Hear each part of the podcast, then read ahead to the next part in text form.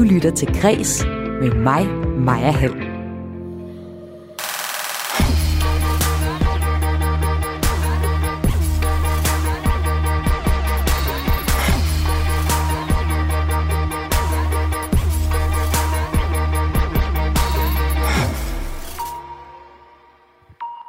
Kan reality på tv give os andet end plat underholdning? Det spørgsmål stiller jeg i dag i vores sommertema Kultursamtaler, hvor jeg genbesøger de sidste halvårs mest interessante debatter sammen med et panel. Ny dokumentar viser børneliv i blokkene i bydelen Voldsmose. Og for instruktøren bag, så var det overraskende, hvor meget de unge var opmærksom på den dårlige omtale af bydelen. Jeg har oplevet mange, der siger sådan, hvor kommer du fra? Og lige så snart de ved fra Voldsmose, så, så ved de, at vi er en perker. Senere i programmet kan du også høre, at øh, skuespillere som Bodil Jørgensen og Ellen Hillingsø er blandt de 415 ansatte i film- og tv-branchen, som har underskrevet et protestbrev mod dårlige arbejdsvilkår. Mit navn det er Maja Hall, og jeg vil gerne byde dig velkommen til Kres.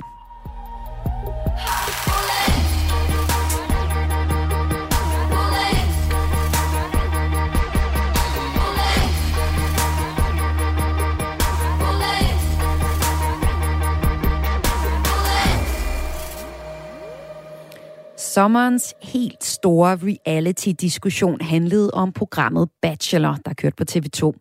Og det er et program, hvor en mand skal date 18 kvinder på en græsk ø. Flere i debatten pegede på, at det her koncept var håbløst forældet i forhold til køn og ja, ligestilling.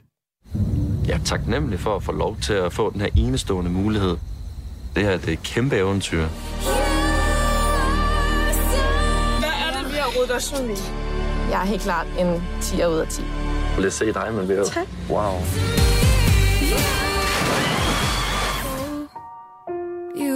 Det er jo forhåbentlig kvinden i dit liv, som du vælger. Her var det en bid fra programmet Bachelor. Masser af følelser på spil, som du kan høre her. Og øh, det er jo bare et af de mange forskellige programmer, der er inden for reality. Altså, for mit vedkommende, så stiftede jeg første gang bekendtskab med genren, da jeg som lille så Robinson. Et program, hvor deltagerne kæmper mod hinanden på øh, en øde ø. Det er en fantastisk oplevelse.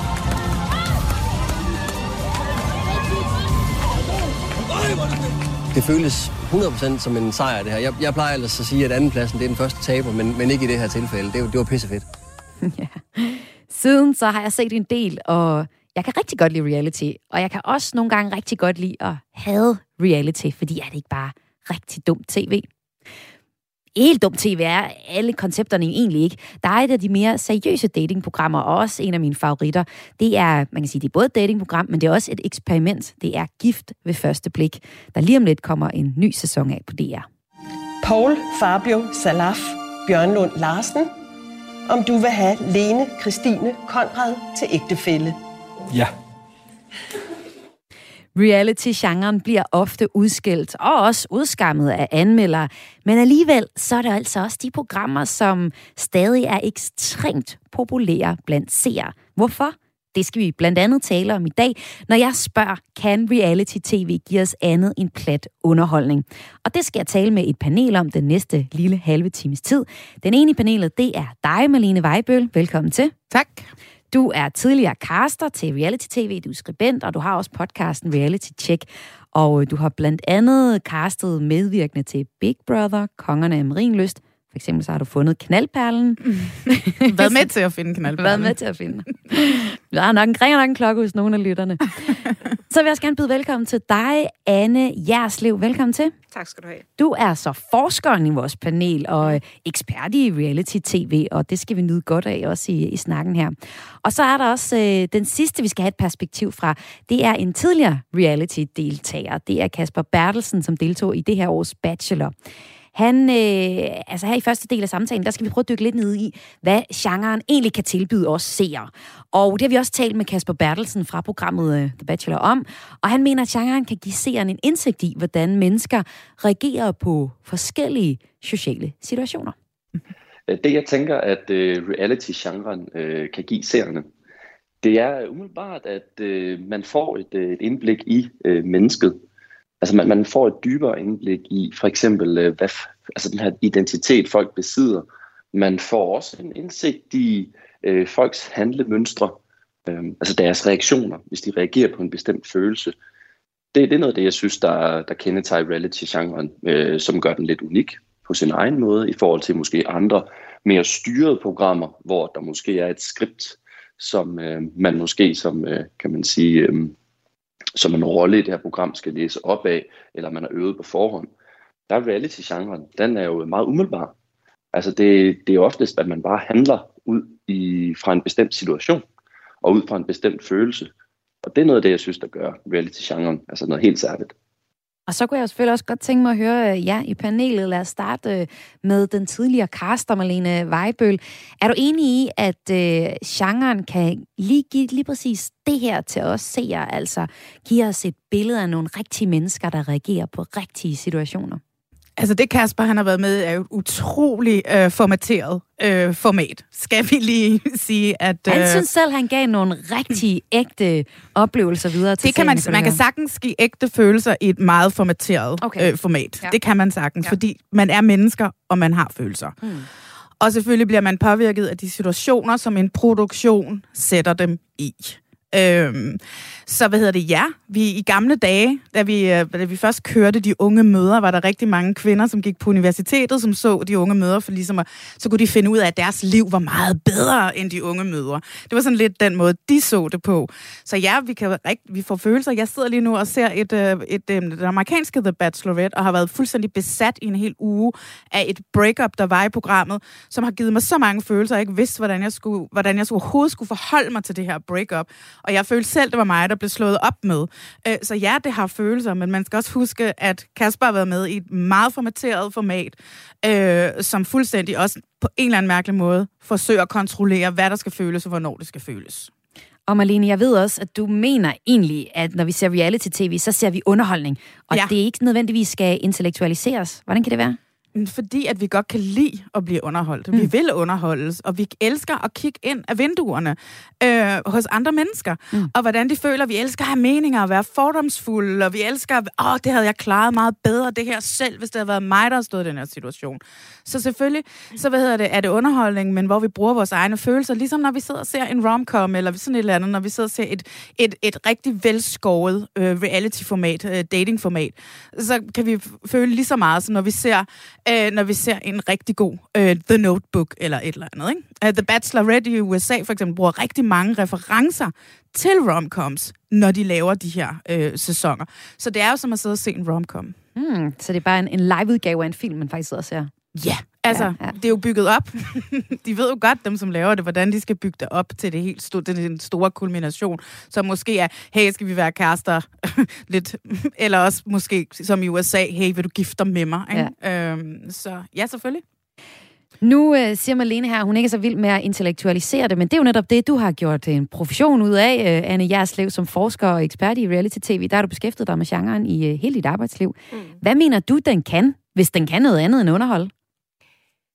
Ja, nu tror jeg ikke, nu tror jeg ikke, at, at, at, at underholdning blot er sådan noget fuldstændig ligegyldigt. Jeg tror, at underholdning har en vældig stor betydning for os alle, og det er jo sådan set også lidt det, øh, Malene siger, så det ja. er ikke bare, bare et spørgsmål mm-hmm. om, at, og, om, om at undersøge. Øh, slået vold om at underholde. Øhm, altså i forhold til det, øh, øh, Kasper siger, så ved jeg ikke, om, om man kan sige, at øh, reality-tv giver os indsigt. Men jeg tror, at noget af det, som øh, er, er interessant ved reality-tv, og noget af den brugsfunktion, den har, det er, at, den, at reality-tv og det at kigge på øh, almindelige mennesker øh, i gåsøjne, som, som, som taler med hinanden, som indgår i forskellige former for sociale interaktioner, at det giver os øh, et... Øh, øh, et, øh, et samtalerum, øh, et, et rum, hvor øh, på baggrund af hvilket vi kan snakke om, hvordan vi selv vil have reageret i, i tilsvarende situationer.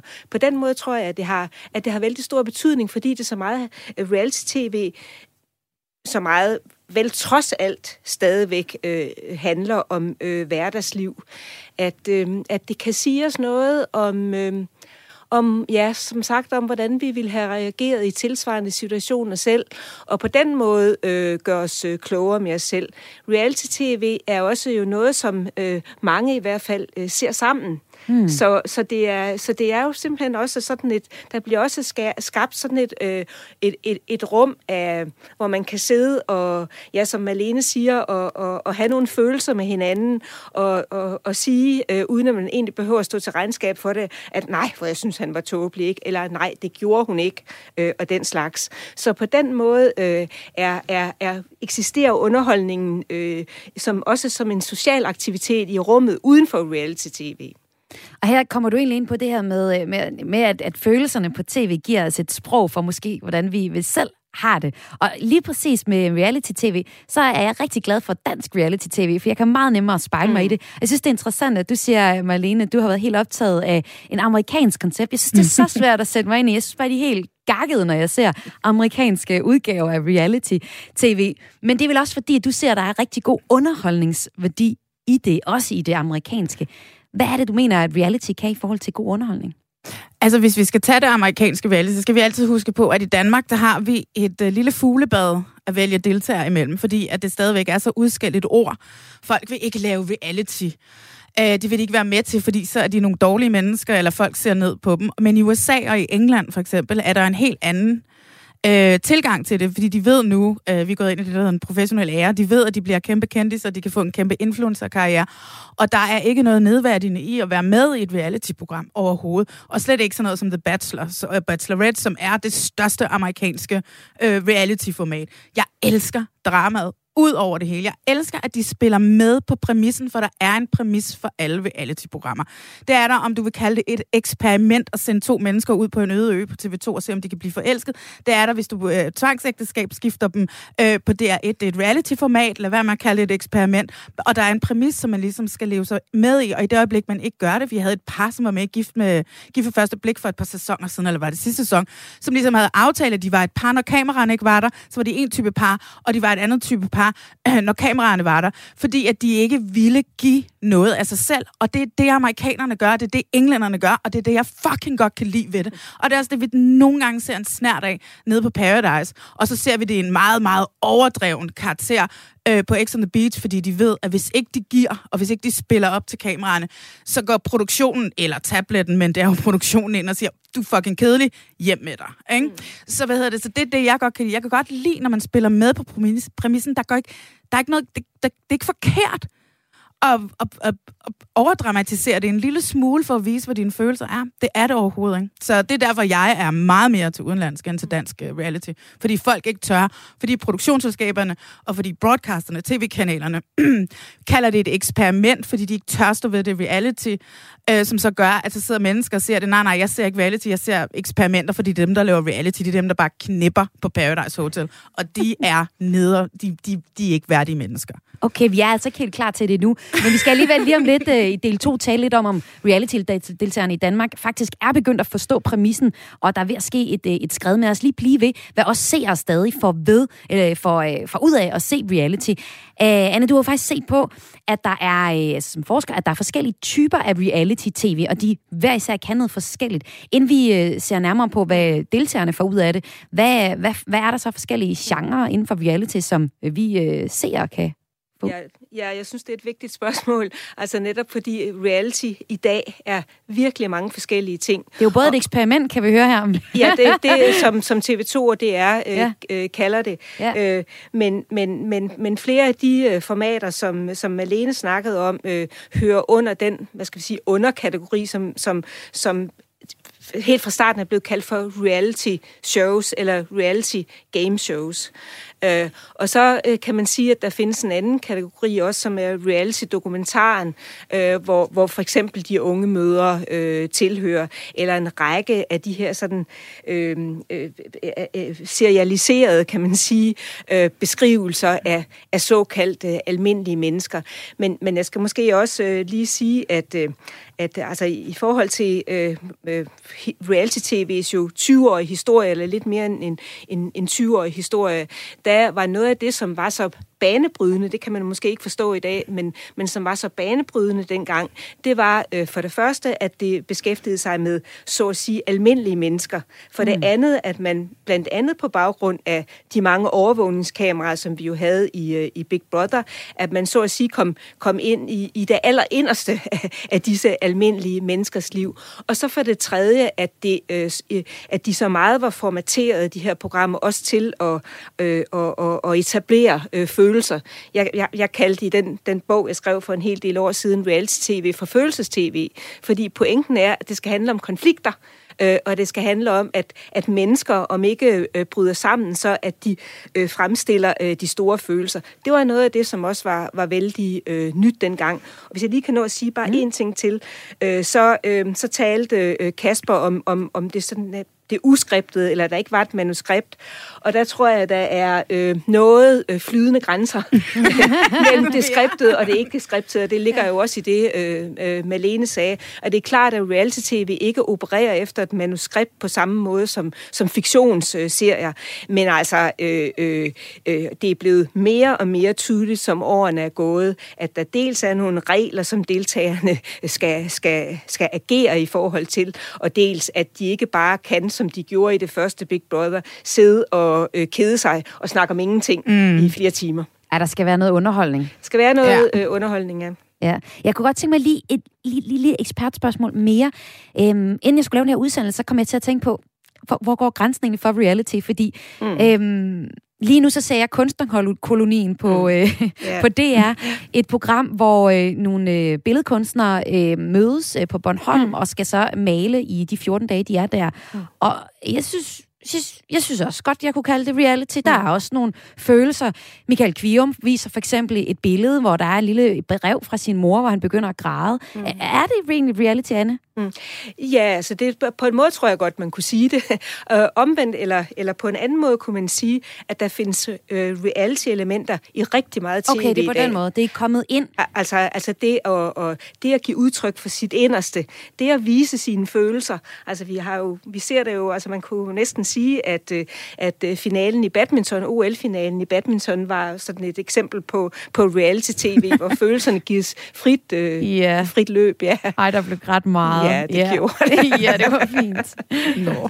Det var jo første del af samtalen, hvor vi så lidt på, hvad os øh, seere får ud af reality-tv. Og øh, nu skal vi prøve at se på, hvad deltagerne egentlig får ud af det. Fordi tidligere, så har nogle deltagere måske følt sig sådan ret brugt af genren. Men måske er de blevet lidt bedre til at bruge reality som platform. Det skal vi tale om nu. Du lytter til Græs med mig, Maja Hall. Ja, for hvad sker der, når kameraerne slukkes, og reality-konceptet er færdigt på tv?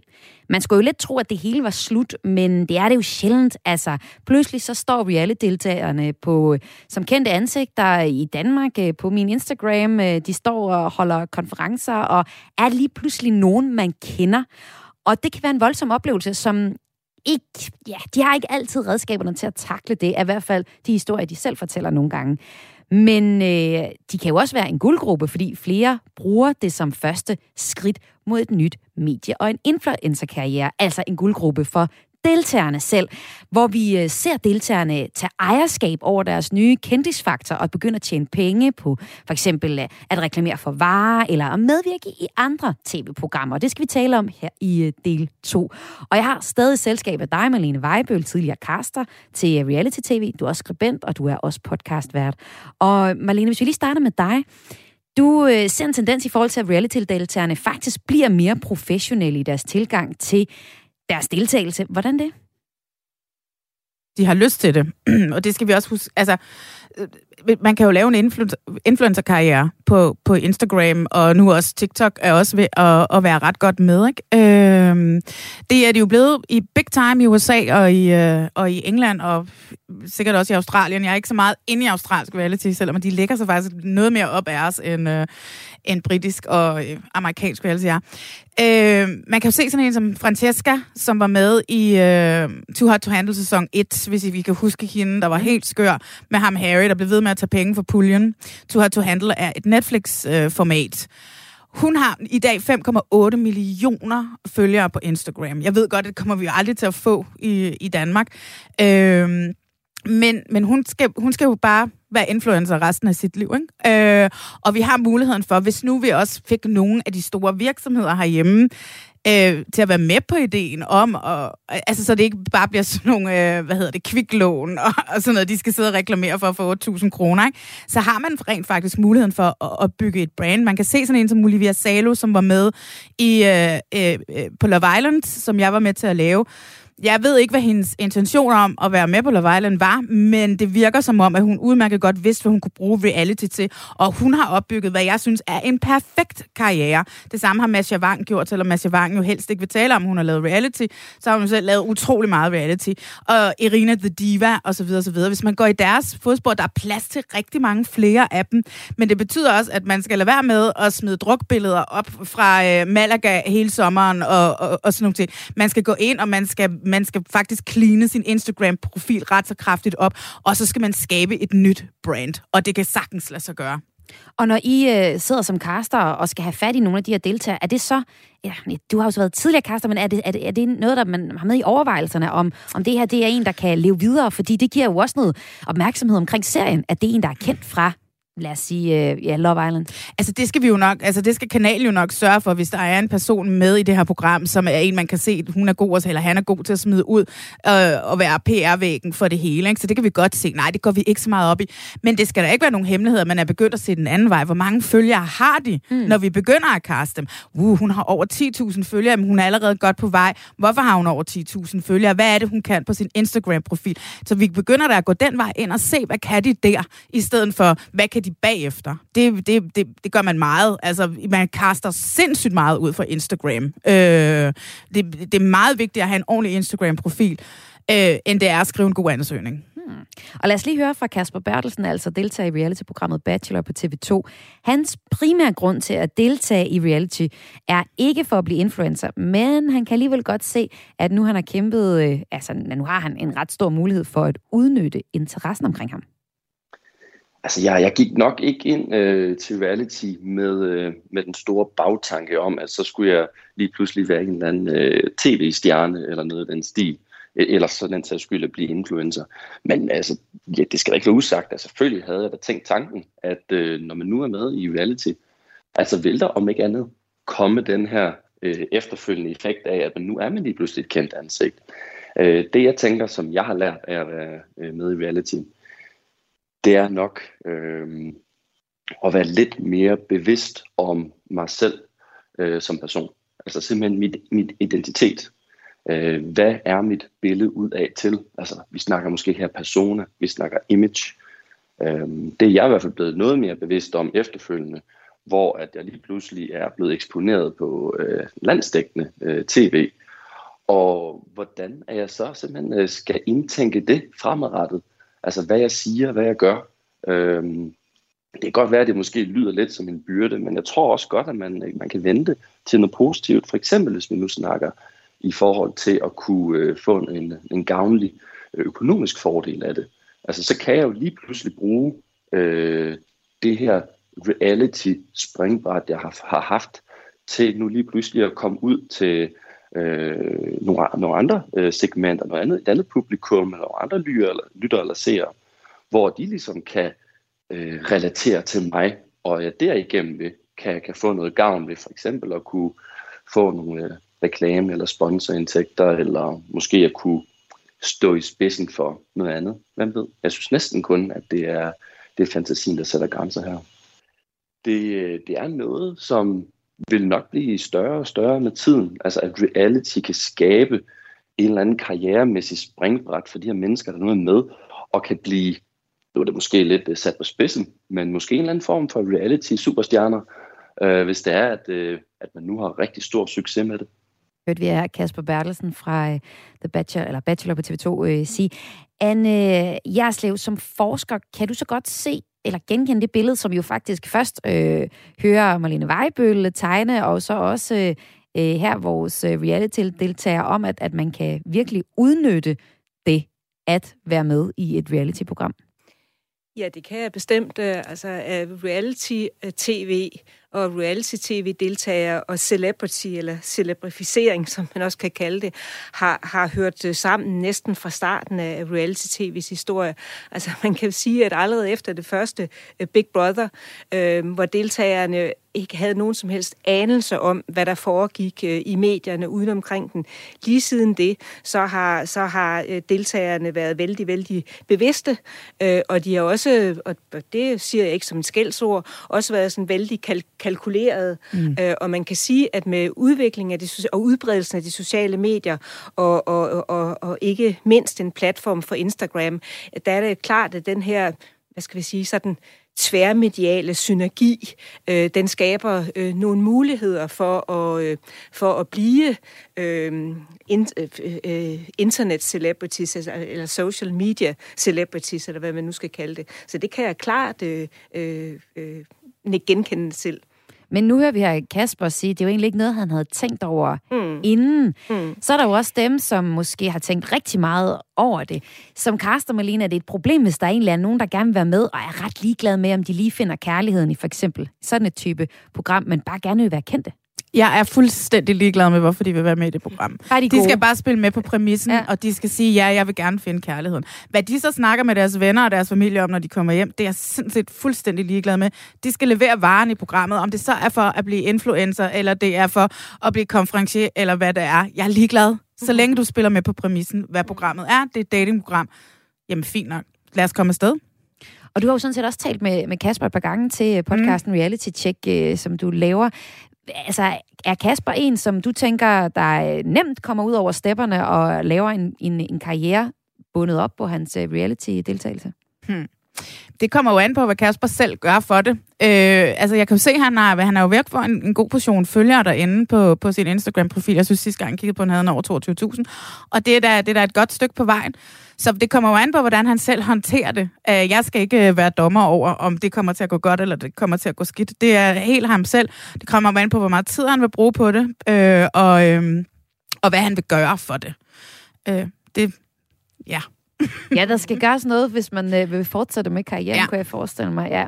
Det her det var så lidt om, hvad reality-deltagerne kan bruge det til, hvis de vil bruge øh, energien på det. Men så kan det jo også, øh, kan man sige, det kan ramme hårdt omvendt, hvis øh, man bliver modelleret til fordel for godt tv. Det siger i hvert fald Kasper Bertelsen selv, når vi spørger ham til bagsiden af medaljen.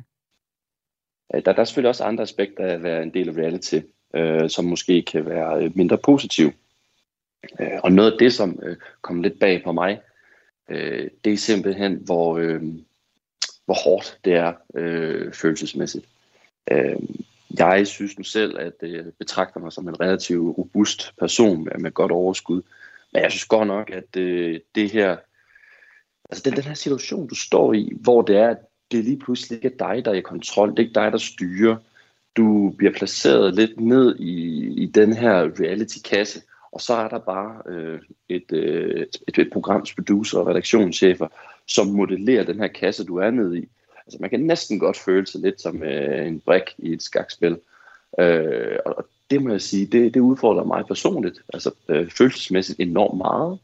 Øh, det havde jeg ikke forventet. Øh, så det er i hvert fald også noget af det, som jeg har tænkt over efterfølgende, at hvis, og noget jeg måske også kan give videre, at hvis man nu skal være med i reality, så skal man i hvert fald være meget klar over, at det, det er altså ikke bare lige til. Øhm, men man skal helt klart forvente, at, at man bliver presset. Øh, og jeg vil nok også gå så langt at sige, at jeg synes faktisk næsten, at man øh, godt øh, kan gøre sig selv en stor tjeneste ved også at, for eksempel at have kontakt til en, til en psykolog og fortælle de her ting igennem, fordi det er jo ikke noget, man normalt bare gør ude i, sådan, i, den, i, altså i, i den virkelige verden, altså i sin dagligdag derhjemme. Øh, det, det er altså simpelthen, du, du er med i reality, hvor du ikke har nogen indflydelse på indhold og udfald.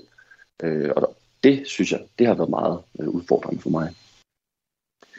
Ja, man kan sige, nu, nu, nu sidder jeg jo tilbage den dag i dag, og, og ved, at jeg har været igennem reality-mæssigt, øh, og hvor hårdt det har været øh, psykisk. Øh, altså, jeg, jeg tror på, at de fleste mennesker nok godt kunne bruge, at øh, de her producenter, som producerer de her reality-programmer, øh, gør et godt stykke arbejde i forhold til at sikre sig, øh, at deltagernes ved vel at det bliver, øh, det bliver opretholdt. Altså simpelthen at sikre sig, at de har det godt. Øh, det, det synes jeg også, de gør. Altså jeg blev tilbudt for eksempel at, at tale med en psykolog, og jeg har også øh, været i, i et forløb nu. Øh, så, så vil sige, de gør noget, men jeg tror helt klart ikke, at det er et område, som øh, mindskes i relevans. Altså, jeg tror helt klart, det er noget, man bør øh, eventuelt skrue op for. Simpelthen for at sikre sig, at de her mennesker, der har været med i reality, ikke kommer ud på den anden side med ar på sjælen. Og øh, hvem ved, måske et, øh, et mindsket øh, selvværd. Så, så det, det tror jeg, det er ret vigtigt, at producenterne de har fokus på. Og Marlene, som tidligere kaster, der kan du selvfølgelig fortælle os, at det har I fokus på. Men er der nogen, man vælger fra, fordi de har for skrøbeligt et selvværd? det er jo vigtigt at sige, at alle, i hvert fald de her store formater, hvor man skal ind i en villa, ind på et hotel, ind i, et, i en bachelor, at alle kommer til en psykolog inden. Øh, det er ret vigtigt. Nogle programmer har endda to psykologer, så man skal til to psykologsamtaler. Men når det så er sagt, så... Øh, et meget kontrolleret menneske, som Kasper er, er jo svært at lave reality af, øh, på og med. Øh, hvor nogle gange, dem som er lidt vilde i det, dem som er sådan lidt, du ved, woo, whatever, øh, og det er ikke nødvendigvis fordi de er mere skrøbelige, men, men øh, nogle gange, så kan man godt gå en lille smule på kompromis med, at han sjov har med, i forhold til, hvad, Altså nej, de skal altid være godkendt af psykologen, men kan vi, kan vi sende ham til en samtale mere? Er det vigtigt, at vi lige får ham, altså du ved, sådan noget, ikke? Nogle gange så er det, og det er tit de her mennesker, som måske har levet et lidt hårdt liv, som kommer ind med en anden attitude. Altså hvis de har haft en hård opvækst eller et eller andet, de kan bare godt nogle gange være sådan lidt mere, buff, de er ikke bange for at give alt af dem selv. Altså, eller hvis man det, har fået sit hjerte TV. knust tusind gange, fordi man altid falder for den samme rockertype i Randers. At, hvad hedder det? Og jeg ved godt, jeg putter folk i bokse, men det er det, man gør som kaster, så I må meget undskylde, at jeg putter folk i bokse på den her måde. Men hvis man har fået sit hjerte knust tusind gange af en rocker, der hedder Kent fra, fra, fra, fra Randers, jamen så kan det godt være, at man er meget mere åben for at bare kaste sig ud i endnu en forelskelse. Og, men vi prøver selvfølgelig stadigvæk, inden vi sender dem ned, og, og sørge for, at de er stabile nok til det. Og en psykologsamtale, måske to psykologsamtaler, er jo muligvis ikke altid nok, når man smider dem ind i så presset et miljø som et hotel, en bachelor, en villa er. For det er fucking hårdt at være med i et reality-program. Og lad os også lige høre dig her afslutningsvis, øh, Anne Jerslev, som øh, forsker.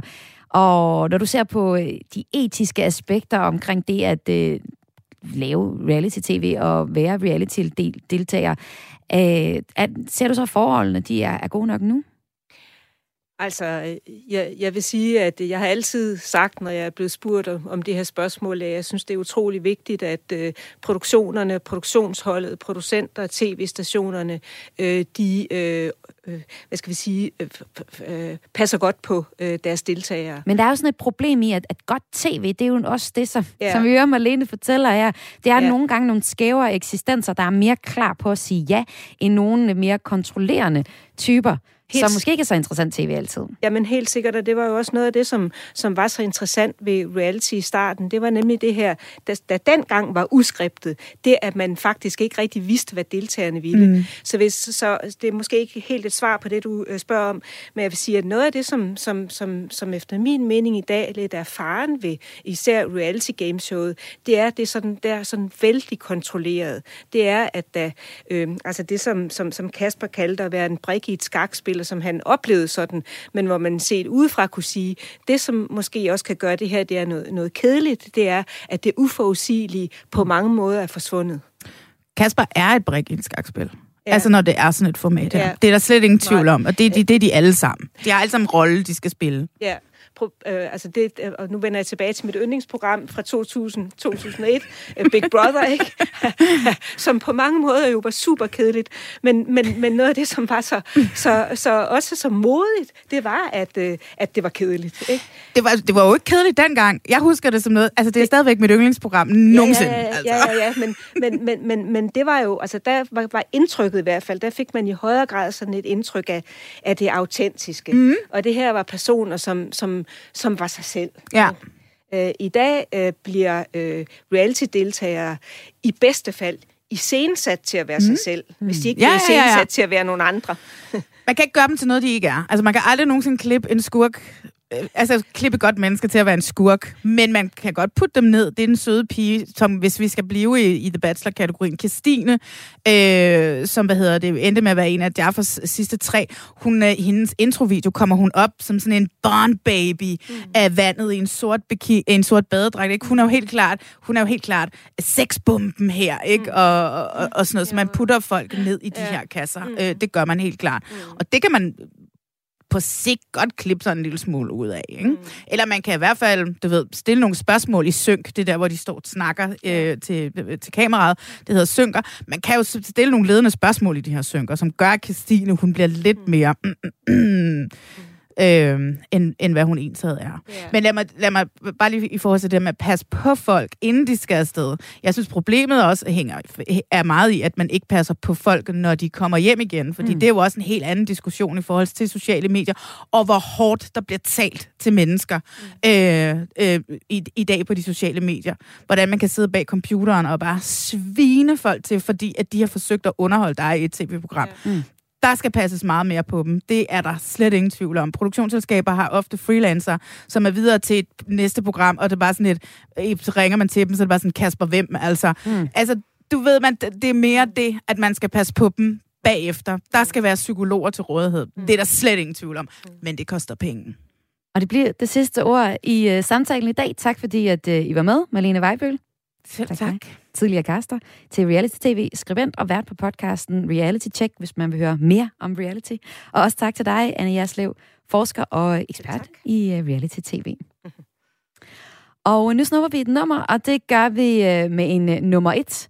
Det er Rolling Stone-magasinet, der har kåret de 100 bedste musikvideoer i anledning af MTV's 40-års fødselsdag, og Beyoncé's nummer Formation bliver kåret som det bedste.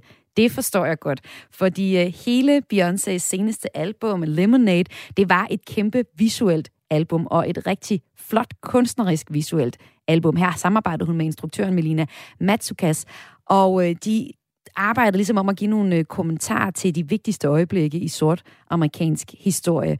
Og det gør de blandt andet også i videoen til Formation, som er det nummer, vi skal høre nu, og så vil jeg opfordre dig til at gå ind og se videoen til øh, nummeret her. Her er det altså Formation med Beyoncé.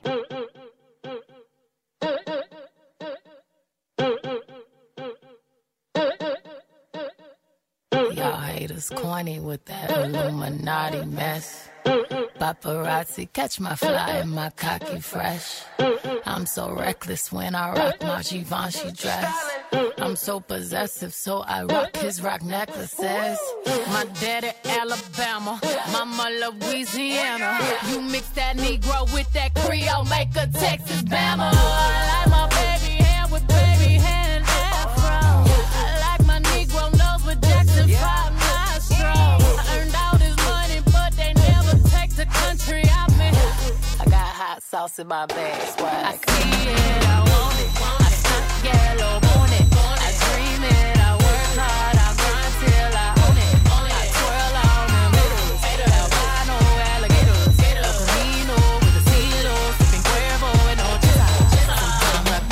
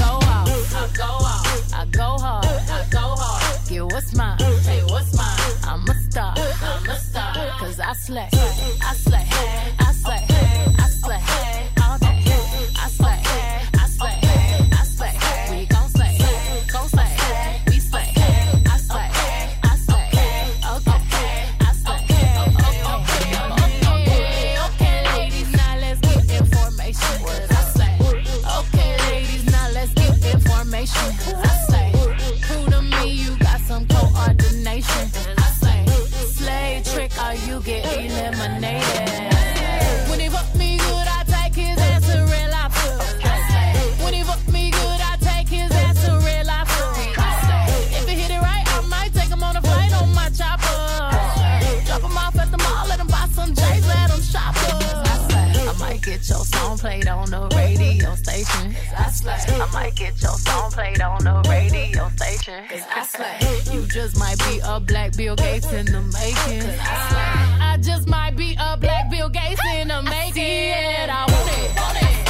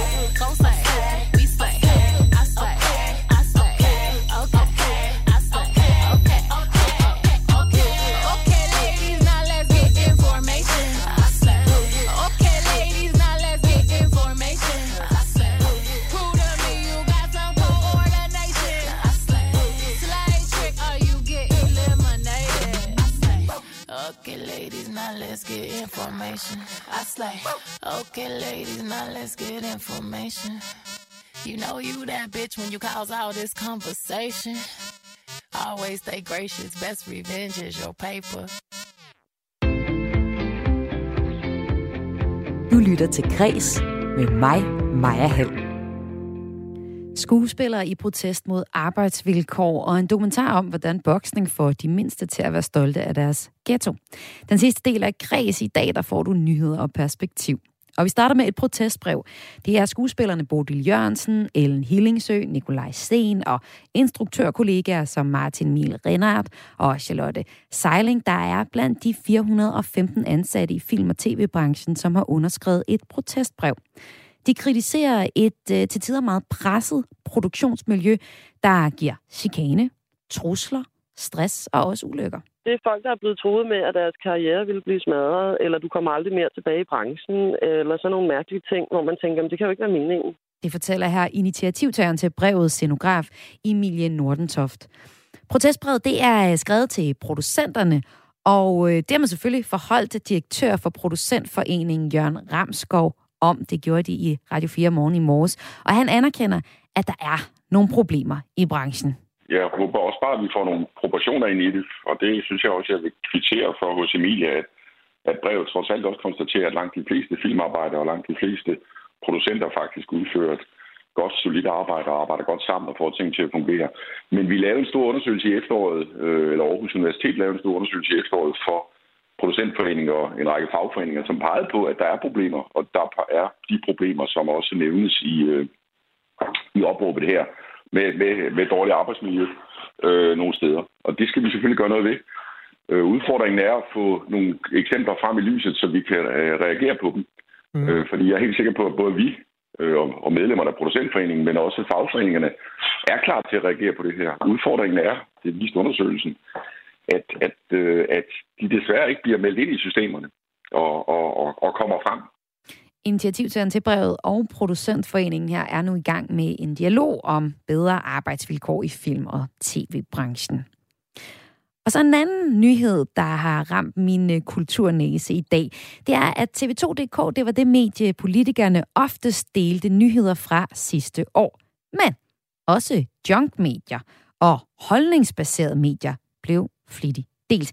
Helt præcis så var det sådan 1330 gange, så delte danske folketingspolitikere nyheder fra TV2 øh, DK, og det gjorde de så på Facebook. Det viser en analyse af politikernes nyhedsdeling, som Analyse og Tal og Common øh, Consultancy har lavet for fagbladet 3F.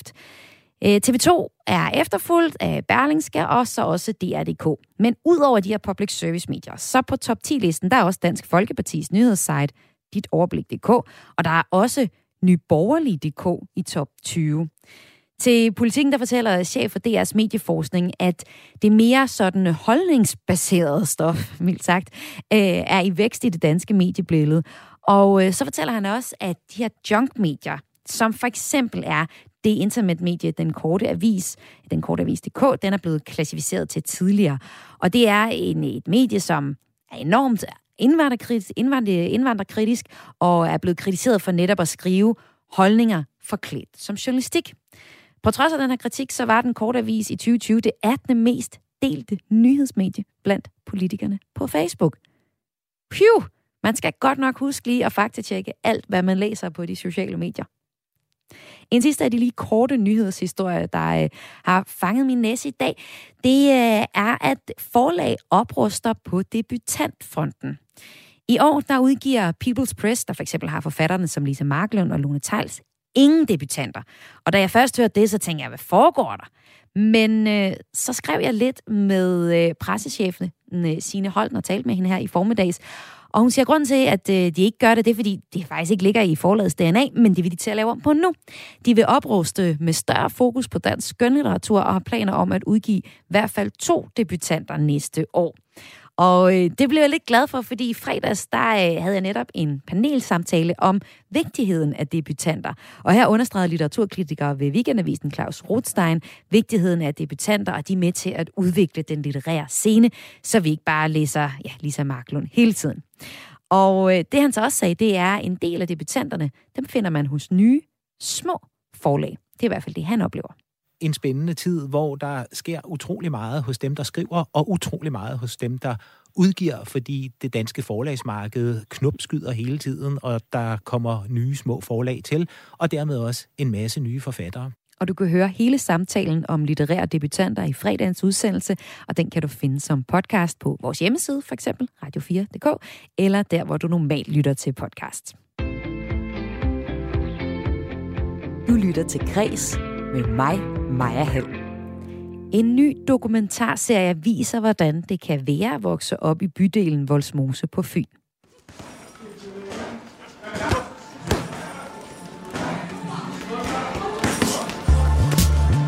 Jeg hedder Rita, jeg er 10 år, og jeg vil med boksning. Ligesom min bror Ali, der har været Danmarksmester. Og min far er også vild med boksning.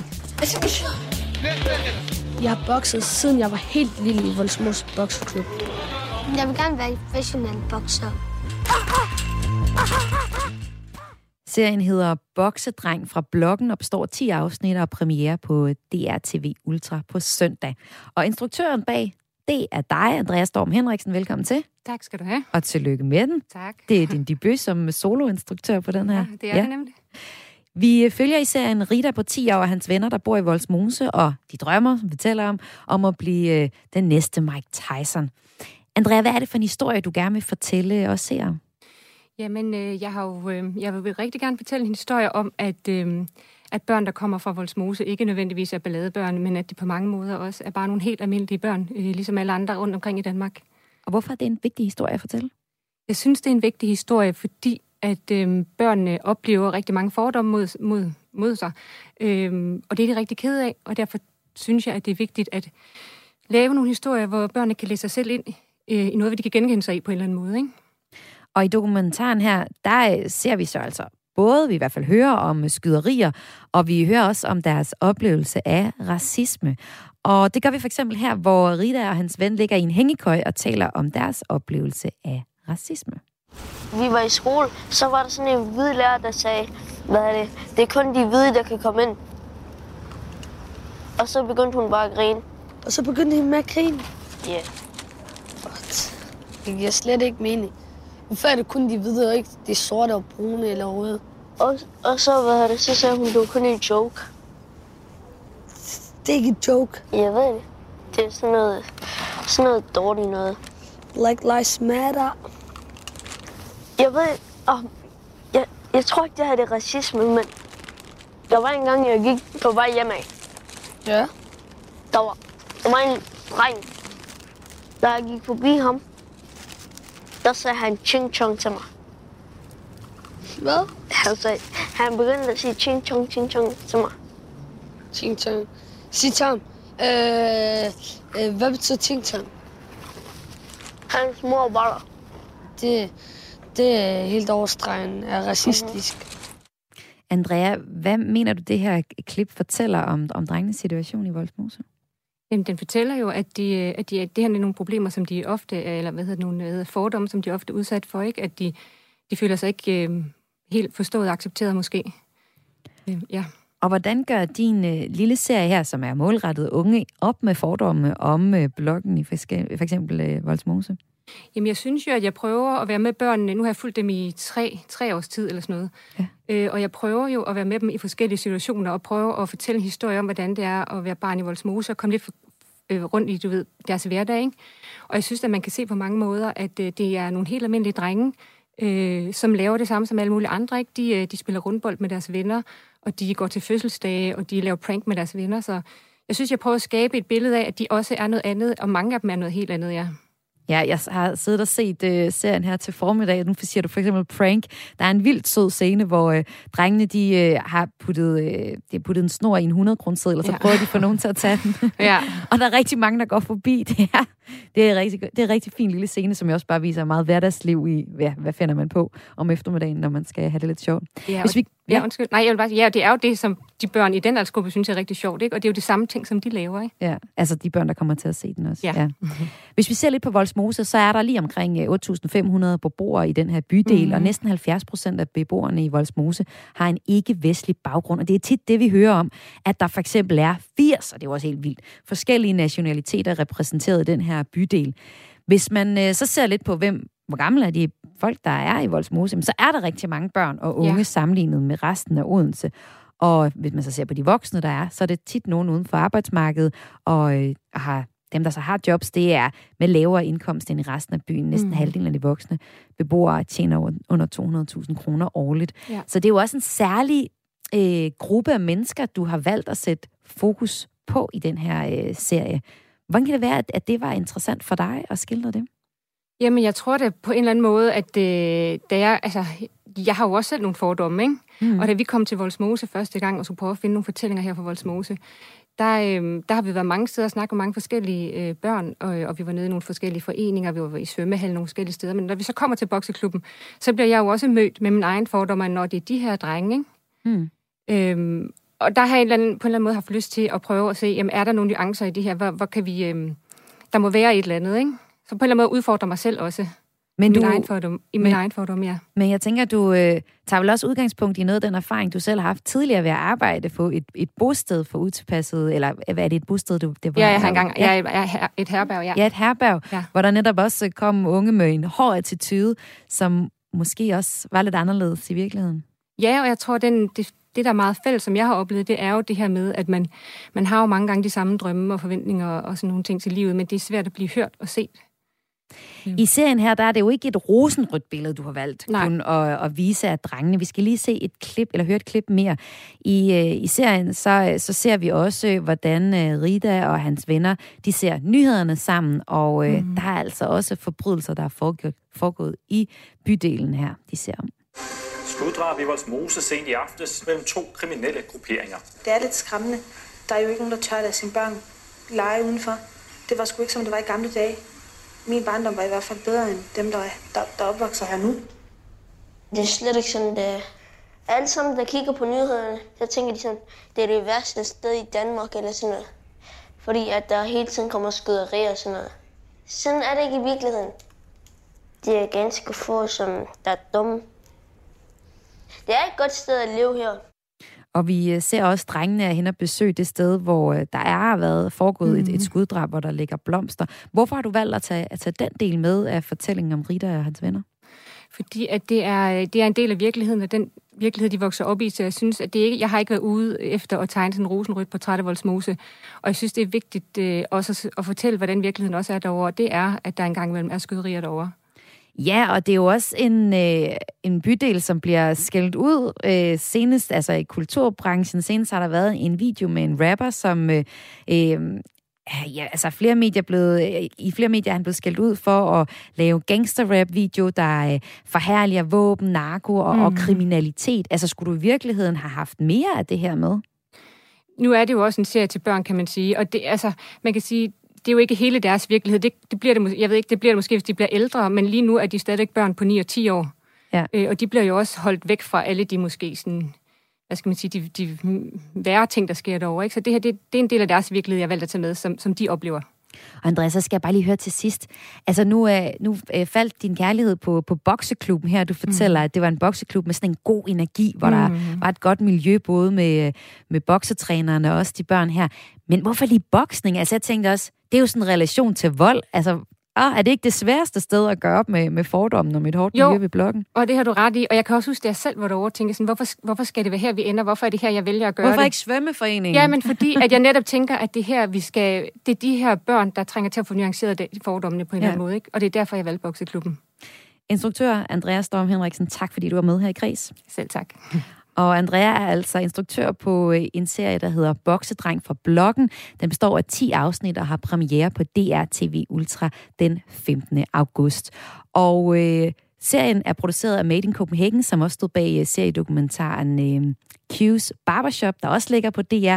Den vil jeg også bare anbefale til det voksne publikum. Det er en dokumentar, der foregår foran spejlet i en frisørsalon. Er også ret fed. Du har lyttet til Kreds her på Radio 4, og programmet kom i hus med hjælp fra Lene Grønborg Poulsen. Mit navn er Maja Hall. Jeg er vært hver eneste dag her på Kreds fra 14 til 15.